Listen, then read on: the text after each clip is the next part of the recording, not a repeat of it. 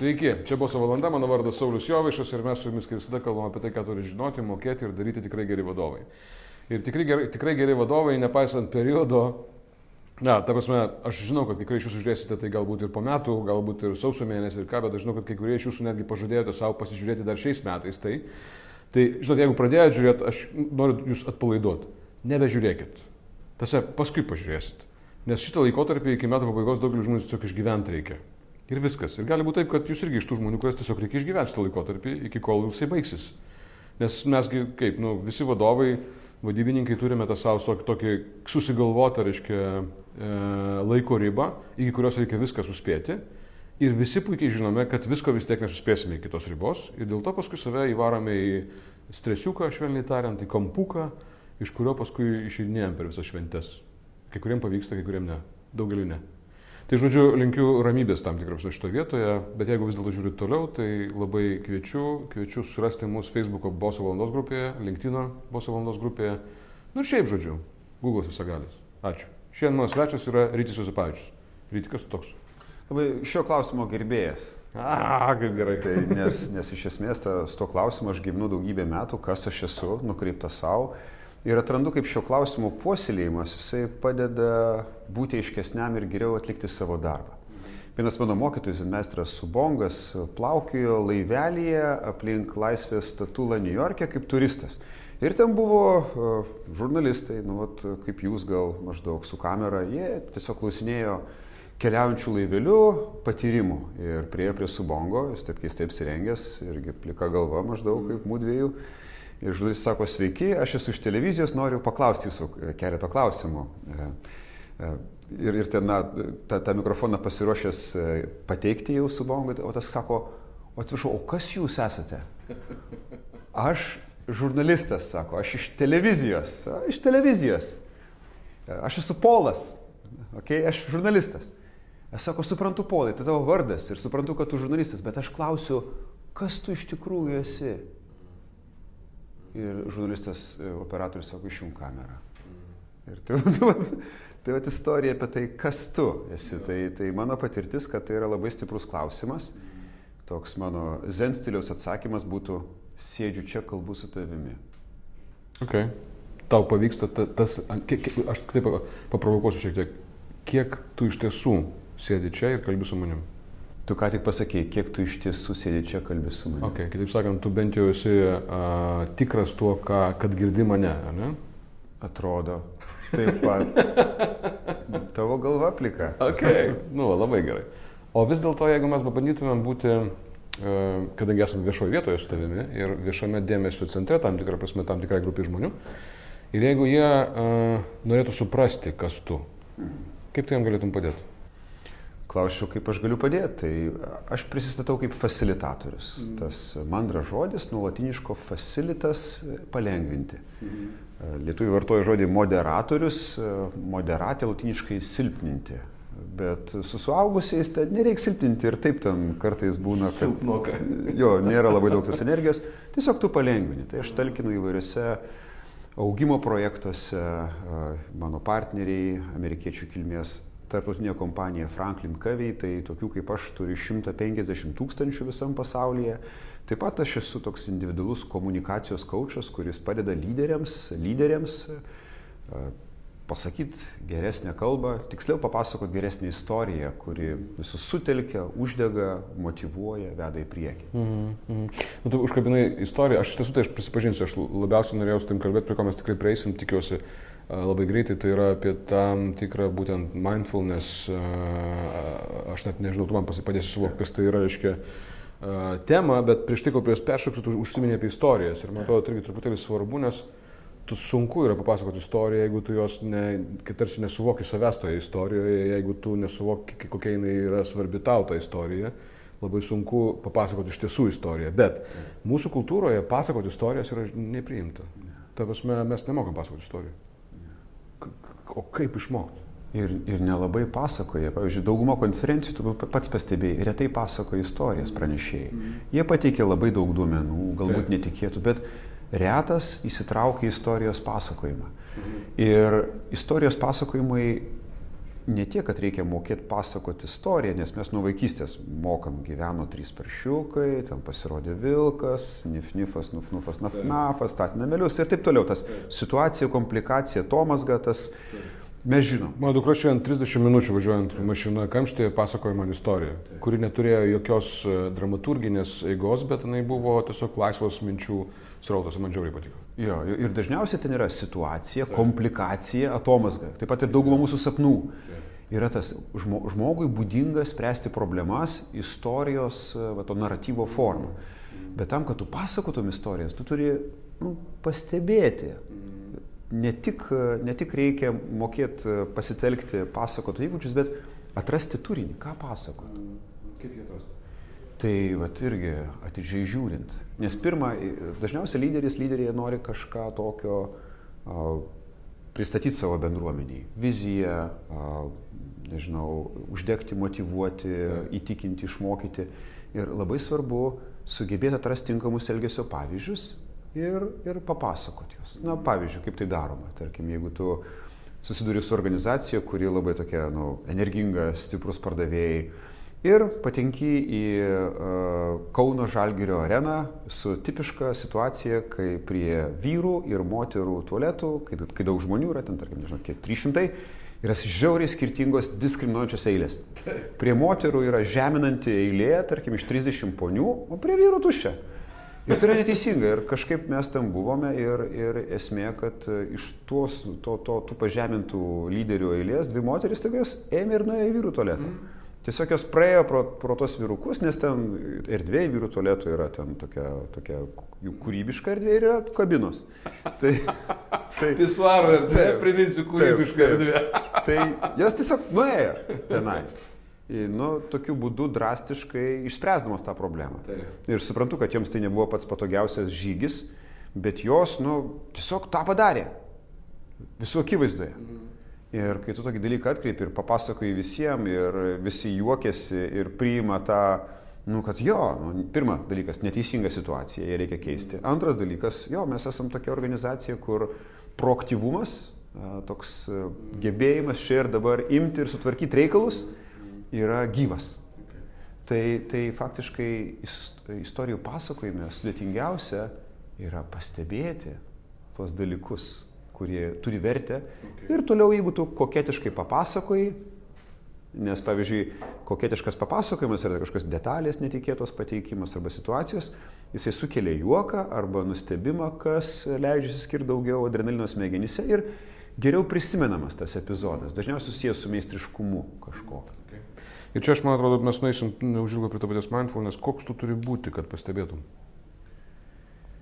Tai e, o tavo vidinė kelias, jo, tai būsena tavo kokia turi būti, kad tu pastebėtum tuos niuansus, iš kurių gimsta istorijos. Koks turi būti? Keli niuansai.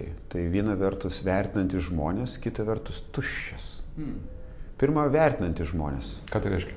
Tiesiog, nu kaip čia pasakius, tikėt, numatyt, kad tavo komandoje yra puikių žmonių tikėt, kad yra, yra... Tai vertinimas šiuo atveju yra pozityvus vertinimas. Jo, pozityvus įvertinimas. Teigiamas įvertinimas. Jo, tas, okay. tas, tas matymas iš šviesiosios pusės. Mes Aha. labai dažnai matom, kai lyderiai jie užsiciklinė tik tai ant to, ko nepadarėjai. Kartais mes šnekamės tokį, pristatau faktą iš e, vadybos literatūros, kad e, laiminčios komandos gauna penkis kartus daugiau teigiamojo grįžtamojo ryšio negu netokios efektyvios. Mm. Ir dažnai reakcija būna vadovo, tai, kad, nu, tai natūralu, tai jos dėl to ir laimi.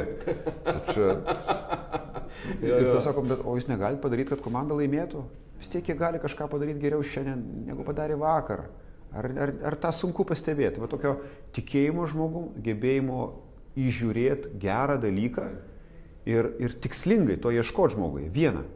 Antra, nu, turi būti gan tuščias, tuščia galvis, gerąją prasme, kad nu, negalvot kažką nuolat viduje, bet Tiesiog matyti, kas vyksta prieš akis. Kaip galima nustoti nuolat galvoti? ne, žinau, žinau kur, kur mes visi einam dabar, bet suprantate, bet mes turbūt visi sutiksime, kad tai yra problema. Taip. Uh, ir aš nepaisant irgi, aš turiu individualių klientų, su kuriems irgi padedu, reiškia, spręsti tam tikrus vadybinius klausimus, galbūt lyderystės klausimus, bet šiandien naktį aš pabudau po 2.15 ir iki po 5, ten, nežinau, 20 ar kažkiek, arba iki 5, kaip minėjau, aš, reiškia, sukau galvoje krūvą istorijų. Ir aš tau sakydavau, reikia užsirašytas istorijas arba mintis tam, kad jos išeitų iš galvos padėtum ten. Bet man nepavyko sustabdyti šito viso srauto. Dėl masės priežasčių tikriausiai, bet nepavyko. Ir tai yra ta būsena, kurioje, sakykime taip, nu, tai yra nuolatinė vadovo būsena arba atsakingo žmogaus būsena, kaip jisai mano, kad tokia tik tai ir gali būti, kada pastovi pastovi galvoje sukasi problemos, netgi dažniau negu jų sprendimai. Kaip sustabdyti? Kaip tuštumą sukurti šitoje vietoje? Jo, tai mes galim pasitelkti paratybas paprastas. Tai jos įvairiai gali vadintis, bet paprasčiausios kvėpavimo stebėjimų grįstos pratybos gali padėti. Aš pradėjau tą daryti būdamas žurnalistu, va, dirbau tokį darbą, kai, kaip pats ir žiauriai bijojau. Tiesiog, nežinau, būdamas 20 kelių ten metų, aš vesdavau laidas su ten, nuomonės lyderiais apie klausimus, apie kuriuos aš tikrai žinojau ne tik šimtadalį to, ką žinojo jie, mažo to diskusija turėjo vykti. Ir šiuo atveju aš paklausiau savo mokytojo Zedmeistro e, Vubongo, sakau, nu aš žiauriai bijau, ką jūs patartumėt? Klausk, iš kur kyla ta baimė. ir e, stebėdamas savo kvepavimą, Ir puoseldamas tą klausimą, iš kur kyla baimė, toks tarsi tu nukreipęs savo dėmesį į tos baimės šaltinį, tu tiesiog dirbi savo darbą. Mhm. Ir man tada jau pasirodė, kad jo, taip, aš jaučiu, kad mano širdis plaka, bet vis tiek popierius su keliais už, užkabinančiais žodžiais prieš mane, stiklinė su vandeniu, tie žmonės, taip pat girdžiu, ką jie sako. Nu, ir, ir tu tiesiog įsitrauki, tu esi. E, faktiškai apibrėžimas to, to, to mindfulness, arba nežinau, kaip lietuviškai ginčiamasi, kuris terminas būtų geresnis, įsisamonintas dėmesingumas, atida trumpesnis, bet mindfulness populiarumo dėliai tai yra gebėjimas reguliuoti dėmesį tikslingai su smalsumu, atvirumu, prieimimu. Ir kai tu, nesvarbu ką patiri, ir, irgi nemiegojęs ar daug minčių, tiesiog tu nukreipi dėmesį į kvėpavimą. Ir tiesiog tik stebi tą kvėpavimą, pavyzdžiui, pradžiai, kaip, kaip mhm. pati pradžia. Plaučiai prisipildo oro, išeina laisvai. Dar jeigu jungsi tokį dalyką, kad tu įtrauki pilvo raumenis, e, jie, jie paspaudžia žarnyną ir pas, pastumė diafragmą, tu dirbtinai prailgini iškvėpimą, toksai mm. atsiranda papildomas paspaudimas. E, šis pilvo raumenų paspaudimas į žarnyną kuria natūralią nejautrą. Mhm. Santriškių skausmo klinikose jie taip moko pacientus, kuriems skauda. Okay. Tai faktiškai, jeigu tu taip kvepuoji, e, tokiu būdu iškvėpimas maždaug dvigubai ilgesnis negu įkvėpimas, be pastangų įkvėpi, be pastangų iškvėpi ir prailginį iškvėpimą įtraukdamas pilvo raumenis, spausdamas žarnyną, keldamas diafragmą ir stebi tą kvėpavimą, Tiesiog stebi kvepavimą. Panašiai kaip Jono Biliūno pasakoja laimės žiburys, kai tau tiesiog reikia žiūrėti laimės žiburį. Tada kalbina pamėklė. Biudžetas, sako, biudžetas atsisuk. Bet tu žinai, kad atsuksi pavirsi į akmenį, tu vis tiek žiūri į tą laimės žiburį. Ironiška, kad aš šią metaforą Vilniaus Zen centre, kadangi ten esu instruktorius meditacijos, pasakoju vienai merginai, jinai sako, man sako, žinot, aš esu Biliūno anūkė. Tai, tai Biliūno anūkė irgi tą papasakojo, bet tai yra tokia, tokia lietuviška metafora. Tu tiesiog grįžti prie to kvepavimo stebėjimo ir skaičiavimo jo iki dešimties. Gali tiesiog stebėti kvepavimą, bet tai yra nu, truputį sudėtinga, tai mes rekomenduojam tiesiog skaičiuoti kvepavimą iki dešimties. Įkvepi, iškvepi vienas, įkvepi, iškvepi du ir viskas. Ir tai veikia kaip savaiminis, savaiminis procesas. Aš net tiesą sakant nesuprantu, kaip veikia. Daugiau dabar bando paaiškinti, prijungia elektrodus, ten smegenų bangas matuoja, gauna grafikus.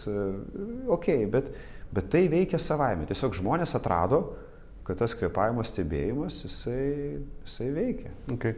Sekundėlę aš tabiškai sustabdysiu, žinau, sustabdysiu tam, kad pasiūlyčiau visiems tiems, kurie seniai galvojate, kad tą reikėtų daryti, padaryti labai paprastą veiksmą. Tai yra tiesiog tą uh, pelytę nuvesti keletą minučių atgal, manau, kokias keturias su pusė minutės atgal ir pasileiskite iš naujo, nes rytis labai detaliai ir paprastai parodo, kaip tai veikia ir kaip, tai metodiškai, kaip tą galima uh, realizuoti. Tai yra tiesiog pamokėlė tokia ir jinai pakankamai uh, vizuali, nes jisai tą rodo ant savęs irgi. Tie, kurie klauso, dabar nežiūrit, pagalvokite apie tai, kad verta pasižiūrėti.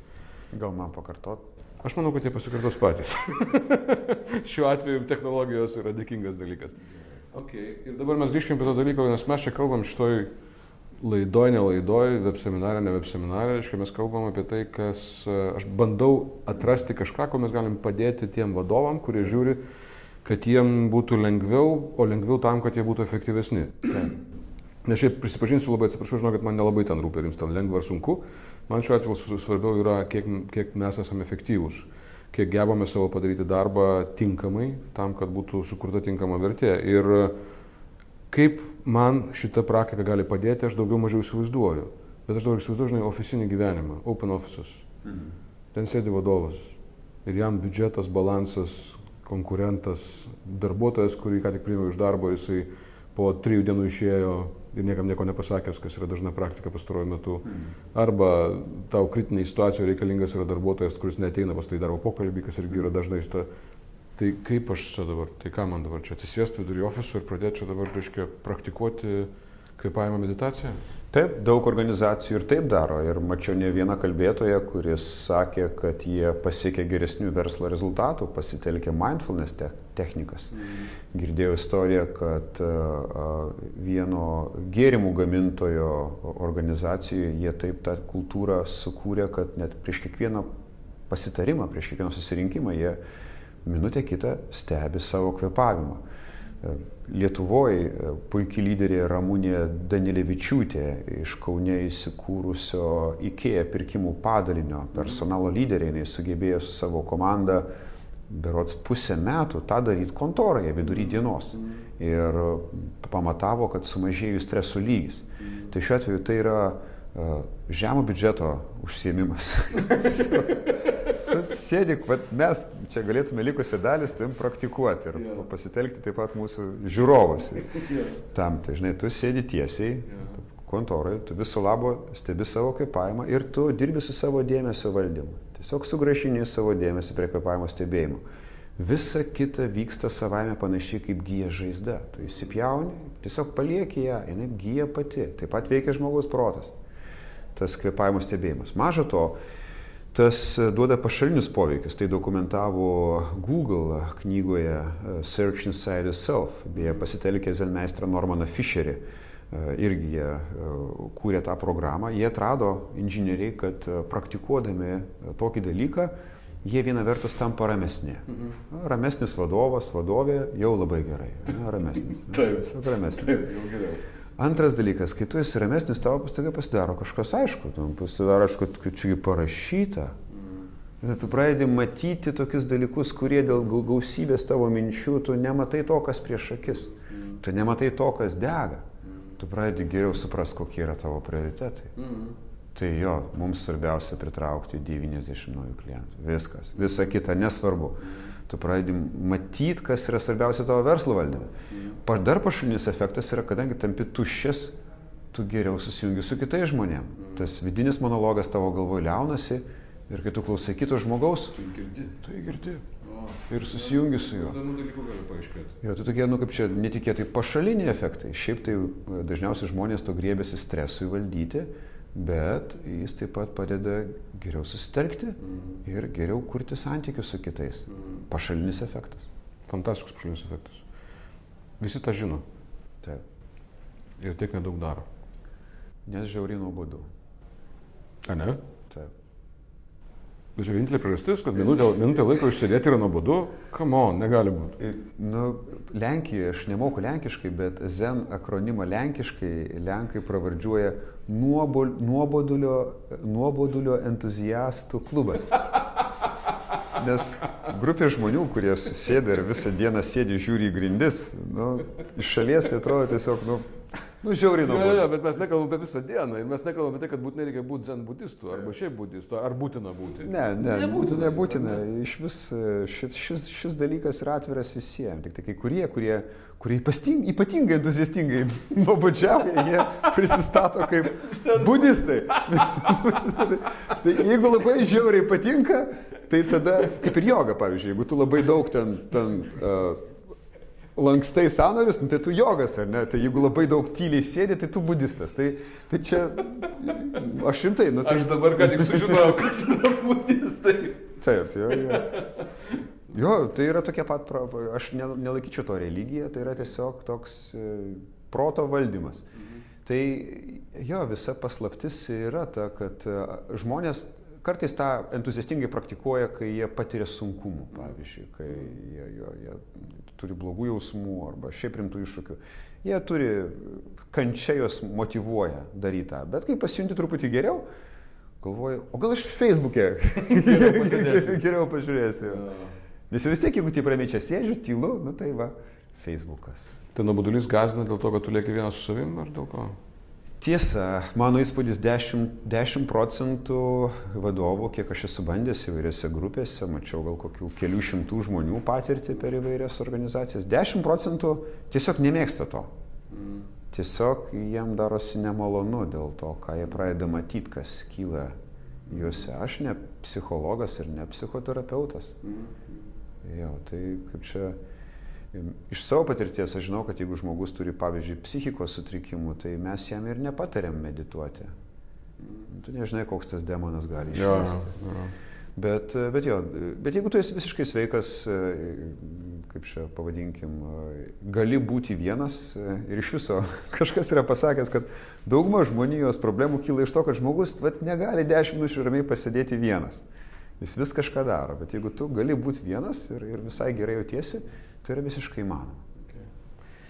Uh, žiūrėkite, jeigu mes taip, vat, nu, tarsi, žinai, normaliai skambėtų tokia rekomendacija, žinot, pasižiūrėkit, pagalvokit ir pradėkite tą taikyti. Ir uh, žmonės dėl masės priežasčių, galbūt dėl psichologinių nesugebėjimo būti savim vienu, galbūt dėl nuobodulio paniško, arba dar dėl, dar dėl kažko, dėl gėdos kažkokios mistinės, reiškia, jie vis to niekaip nepradeda, bet Nu, tai įsivaizduok tave, nu, tarkim, įsivaizduokim, aš esu įmonės vadovas ir tave, aiškiai, paskambinus, kurį tik girdėjau, tu čia, žinai, galėtum mums padėti biškutuką sutvarkyti reikalų čia, žinai, mes turim, aiškiai, esam šiek tiek, aiškiai, perdegę, šiek tiek, aiškiai, pavargę, kažką, žinai, nu, girdėjom, kad tu, žinai, gali mums padėti. Taip, lengvai. Jo, ir aš tada sakai, jo, taip, lengvai, žinai, aš sakau, a ne, nu tai gerai, taip. atvažiuok, žinai. Taip. Nu ir va tu atvažiuoji. Atvažiuoji. Ir ką, ir ką tu su manim darysi, jo, su visais? Jo, kaip tai, tai atrodys? Tai aš, jeigu labai smarkiai pervedį, labai raiškiai pasakoju apie tą perdėgymą, aš taip pajutau, kad reikia dienos atsiskirimo, galima pradėti nuo. Okay.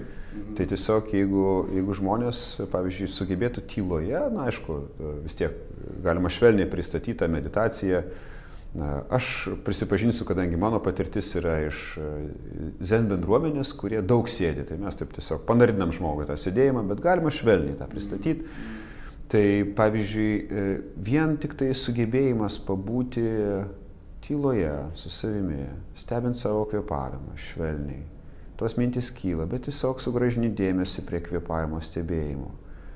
Dešimt minučių, valandą, dvi, tris, pavalgom. Dėmesingai keturias, penkias, šešias, septynias. Tu baigi laimingesnis. O rytoj grįžti atgal į darbą? Jo, jo tu, dažniausiai esi jo. Taip, aš kadangi, nu, nežinau, 25 metai, kiekvienais metais būna 3-4 atsiskyrimai. Tai lygiai taip pat, kaip, kaip ir tu, aš stengiuosi iš visų jėgų ten kurti vertę, konsultuoti, dar kažką padaryti. Ir, ir kai tu patenki į šeštadienio ryte atsiskyrimą, Tai iš pradžių tavo galvoja toks kelių roko grupių, nu, daž, dažniausiai, pavyzdžiui, kokių penkių roko grupių, kurios groja vienu metu skirtingos stiliaus muzikas koncertas. Bet jeigu tu, jeigu tu tiesiog sutelki dėmesį, jisai rimsta, ten lieka viena grupė, paskui pakeičia muziką, daugiau klavišinių atsiranda. Na nu, ir paskui tyla. Jo, ir tyla, tyla, tyla. Ir tai, nežinau, pavyzdžiui, aš pastebėjau, kad nu, maždaug valandos 40 reikia tokio ir tu tiesiog pajunti, kaip tu tampi laimingesnis. Okay. Žiūrėk, rytai, um, aš nežinau mūsų auditorijos dydžio. Tai varijuoja. Skirtingos laidos, skirtingi sustikimai sulaukia skirtingo dėmesio, bet jeigu įsivaizduok dabar, va, tu turėtum, nežinau, billboardą tokį didelį kažkur autostradoje Kaunas Klaipėda ir jį galėtų pamatyti šimtas tūkstančių Lietuvos žmonių. Kokią tu žinutę norėtum jiems nusiųsti?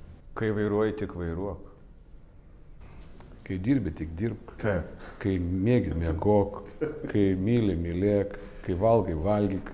Jo, tai skamba kaip klišė, bet... Ne, aš tai atsiprašau rimtai. Aš neironizuoju šitą. Na gerai. Aš rimtai manau, kad tam yra jėga didžiulė. Mano mokytojas Zemesis Unksanas, kai pradėjo mokyti Junktinėse Amerikos valstijose, jis prastai šnekėjo angliškai. Jis kartojo šitą. Kai tu valgai, tik valgyk. Kai skaitai, tik skaityk. Ir sikis sėdi virtuvėje ir valgo kukurūs dripsnius ir skaito. Ir jo mokinys pamatė tą iš už kampo ir jis pagalvojo, po šimts mes turim lyderio patikimumo krizę. Jisgi mokė, kad kai skaityk, tik skaityk, o kai valgai, tik valgyk. Ir kas čia dabar vyksta? Ir įsižiūrės išlindo, mokytojau, kas ką? Tai kaip čia taip yra? Kas yra? Nu, ką jūs darot, sakot, ką darau? Jūsgi mokėt, kai skaitai tik skaityk, kai valgai tik valgyk, o jūs ką darot? O ką aš darau? Jūs valgot ir skaitot. Tai žinoma, kai valgai ir skaitai, tik valgai ir skaitai. Rytis Jozapavičius, ačiū tau labai ryti, ačiū Jums uždėmesį. Čia buvo Boso valanda, mano vardas Saulis Jovaišas ir aš visai ne jokiais, žinokit, žmonės gerėjai. Manau, kad čia yra iš tiesų labai geras laikas šitą laidą atsisukti ir pasižiūrėti dar kartą. Nes rytis kažkaip taip moka pasakoti, žinot, man ramiau. Rimtai, man ramiau. Ačiū. Ačiū, ačiū Sauliu. Sėkmės visiems, gero laiko, gerų švenčių ir su pasimatysim kitą kartą.